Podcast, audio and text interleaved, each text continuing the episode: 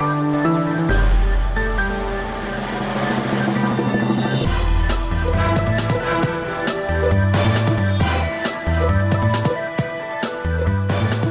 Радио Слободна Европа, програма на македонски јазик.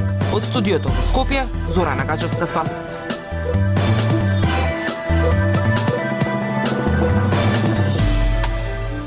Почитувани, гостин во неделното интервју на Радио Слободна Европа е експертот за медиуми и комуникација и директор на проектот на УСАИД за медиумска писменост Младите размислуваат Михајло Лактов. Со него разговаравме за поларизацијата на општеството која го тежнува справувањето со дезинформациите кои се шират во медиумите, како и потребата да се работи со младите за медиумска писменост кои се информираат претежно од социјалните медиуми. Тој вели дека не постои волшебно стапче кој ќе го реши проблемот со дезинформацијата во медиумскиот простор. Потребно е разграничување на нијансите. Слушајте не. 5G технологијата предизвикува COVID-19 терминот македонски јазик во Обединетите нации е заменет со терминот јазик на Република Северна Македонија.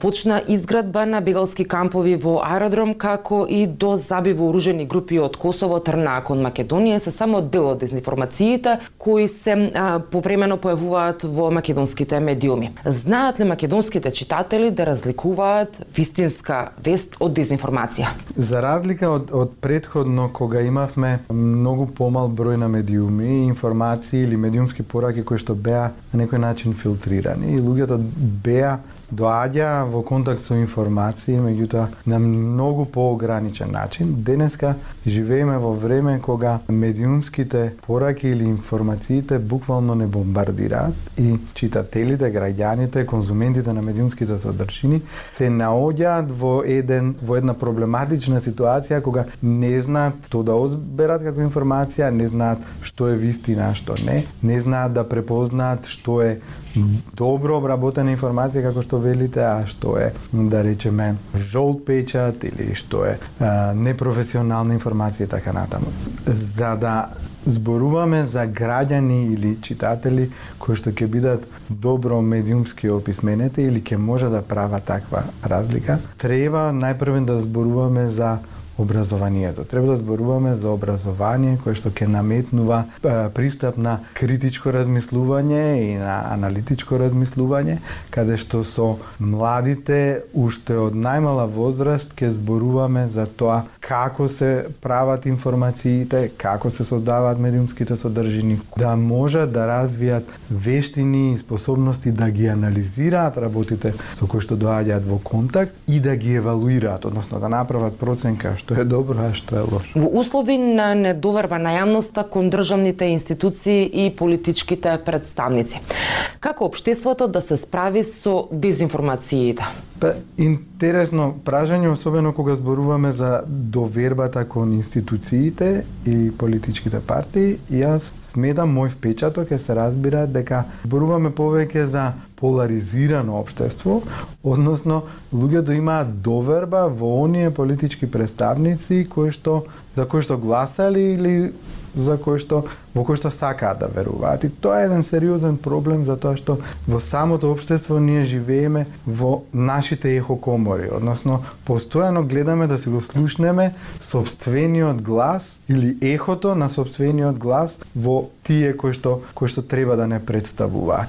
Еве приметете кога е одредена политичка опција на власт, тогаш имаме некоја доверба во институциите, кога ќе се смени власта, ја губиме довербата. И тоа е тој индикатор на на некаква сериозна поларизација во општеството. Тоа што треба сите да го правиме и како индивидуалци е да се повеќе почнеме да ги читаме и да ги слушаме дури и оние со кои што не се согласуваме. И тука е еволуцијата во едно општество. Не може да очекувате дека едно општество ќе се развива во насока на демократизација, доколку ние сакаме само да ги слушаме ставовите кои што се слични на нашите или ни одат во прилог. Отворањето или излегувањето од нашите информацијски меури, читањето и слушањето на секакви информации ќе ни помогне во животот да носиме информирани одлуки. Во една таква поларизирана состојба за која што говорите, колку политичките представници носат вина за ширење на дезинформации во период и во форма кога недостасуваат вистински информации и транспарентност од државните институции? Па се разбира дека и тие носат вина, меѓутоа медиумската писменост во суштина е скепса, да се биде скептичен кон се до кое што доаѓаме со кое што доаѓаме во контакт. Студентите од годинава ќе изучуваат медиумска писменост како посебен а, наставен предмет. До неодамна во одредени наставни програми веќе фигурираше ова како предмет. Во што овој пат ќе биде разликата? Најпрвин да кажам дека еве завршува една година од а, проектот на УСАИД за медиумска писменост. Младите размислуваат, чиј директор сум јас веќе една година и тоа е еден сериозно голем проект кој што вклучува работа на со различни генерации млади, како во формалното, така и во неформалното образование. Тоа што го спомнавте е една од активностите. ние имавме повик до универзитетите во Македонија да се пријават и да со намера да ги или да ги ревидираат постојните а, програми и а, предмети за медиумска писменост или доколку немаат да создадат да работат на своји собствени а, предмети. На тој повик се пријавија доста факултети, ние избравме четири на кои што а, им доделивме мали грантови и ќе им помогнеме да работат на креирање на содржина за предмети за медиумската писменост. Некои од нив ќе организираат летни школи, различни курсеви, меѓутоа речи си сите ќе имаат од следната учебна година, академска година, ќе имаат и предмети за медиумска писменост. Како ќе се подобри медиумската писменост ако на студиите по новинарство годишто се запишуваат околу 20 на студенти? новинарството се менува сериозно од година в година. Ние денеска зборуваме за многу поинаков начин на новинарство него пред 10, 20, 30 години. Денешните новинари се се воедно, односно представуваат цел пакет и сами ги снимаат и монтираат своите прилози и работат на терен и имаат различни вештини така натаму. Денеска зборуваме за новинарство во дигиталната ера или во дигиталното време. Дел од нашата програма беше да работиме и со млади новинари, со студенти по новинарство и така натаму. Ние се изненадивме дека ни се пријавија околу 300 луѓе за за тие обуки кои што ги спроведовме. Тие се баш така наречени джедај обуки или обуки во време на дигитални дигитални дигитални информации и работевме на новиот тип на новинарство или на еден начин на модерно новинарство. Прашањето за малиот број на е, запишани новинари, едно еден од одговорите е дека не е ни толку мал интересот за новинарството, меѓутоа треба реформи, треба осовременување на програмите, треба начини на кои што ќе се привлечат идните млади новинари да влезат во професијата. Дали тоа значи дека се ова два посебни процеси кои што паралелно треба да се водат? Од една страна да се спремаат новите студенти и младите новинари за новата дигитална ера, а од друга страна да се подготвуваат читателите за воспримање на вистински дигитални информации. Значи, ако ние предходно сме работеле многу на образување на младите новинари и идни новинари, за тоа како професионално и објективно да да работат во професијата, сме ја занемарувале другата страна, оние кои што ги добиваат информациите, оние до кои што стигнуваат медиумските пораки. И тие треба да им а, понудиме вештини, знаења, способности да можат да препознаат во овој случај да можат да препознаат што е добро новинарство, а што не. Ние денеска се соочуваме со е, граѓани кои што не можат да направат разлика. Не можат да направат разлика меѓу парачка веб страница и професионален медиум кој што со години години вложувал во својот професионален однос кон публиката. И тоа е од предизвиците со кои што се соочуваме. И тоа е тоа што го работиме. Кога зборуваме за дезинформации, пропаганда, мисинформации, Тоа е само еден дел од медиумската писменост, меѓутоа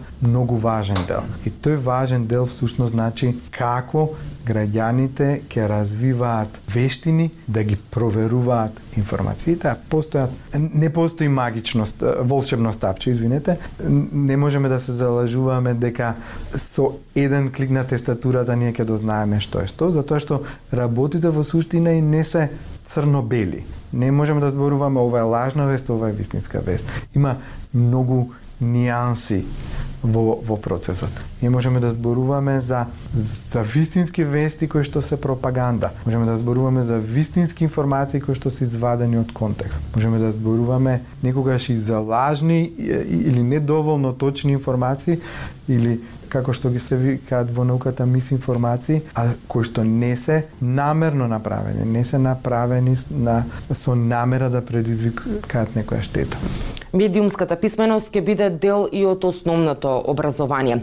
Што ќе значи тоа за учениците од основните училишта? Што тие ќе учат по овој предмет? Дел од овој проект на УСАИД за медиумска писменост е работа со Министерството за образование и наука со Бирото за развојно образование, со Државниот испитен центар на ревидирање на наставните програми. Ако паметите пред неколку години Министерството започна со ревизија на наставните програми, го направи тоа за прво и четврто одделение и од оваа учебна година за второ и пето одделение. Ние во рамките на проектот им помагаме да ги вклучат содржините од медиумска писменост тие наставни програми, не како посебен предмет, туку во постоечките предмети, затоа што искуството покажало е, дека на тој начин кога се инкорпорира медиумската писменост и критичкото размислување во наставната програма дава многу поголеми резултати него ако е тоа посебен предмет.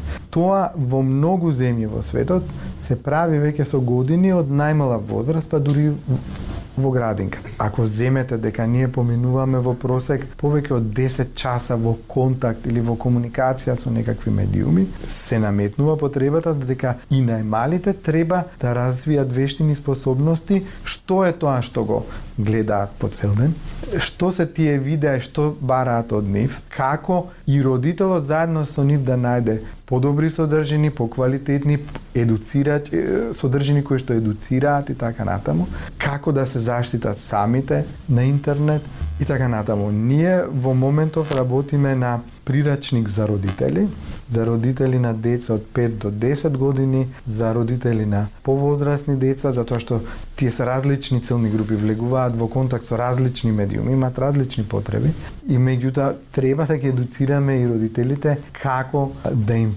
помогнат на своите деца или како заедно со своите деца да конзумираат поквалитетни содржини и да разбираат што е тоа што го конзумираат. Последното истражување на Агенцијата за млади и спорт покажува дека голем дел од младите се информираат на социјалните мрежи. Како формалното образование ќе им помогне во новото дигитално време да разликуваат вистинска информација од дезинформација? Предходни истражувања не само во Македонија, глобално покажуваат дека новите генерации, младите, се повеќе ги добиваат информациите од социјалните мрежи. За жал, голем дел од нив, ние сме правиле наши анализи и истражувања, покажуваат дека а, младите се повеќе се абстрахираат од секојдневните случувања. Не, особено по младите генерации, живеат во виртуелен свет, конзумираат постојано или на YouTube, или на TikTok, или на Instagram, се во свој свет. И тоа само по себе представува проблем. Најчесто тие не сакаат да се соочат со милионите информации кои што ги бомбардираат и да прават одлуки дали е ова вистина или не, едноставно векаат не, не ме интересира, ќе си пуштам серија на Netflix. Тоа е тоа што ние го правиме во суштина е да не ја подгреваме скепсата дека медиумите се лоши или дека медиумите шират дезинформации и така натаму, туку да им даваме на младите алатки и вештини на кои што многу полесно ќе можат да препознаат квалитетна информација или што е дезинформација или што е точна вест и така натаму. Во тоа се состои нашиот ангажман Тоа што не прави поинакви е дека како како програма, како методологија, ние имаме методологија која што се вика учиме да распознаваме и преку таа методологија ние не им кажуваме на луѓето што да гледа. Ние не им кажуваме кои медиуми да ги користат при информирање, ние им кажуваме на кој начин тие информации да ги анализираат и да ги проверат. Тоа беше се што ви подготвивме за оваа емисија. Со вас од студиото во Скопје беа Зора Нагажевска Спасовска и Дејан Балаовски. До слушање.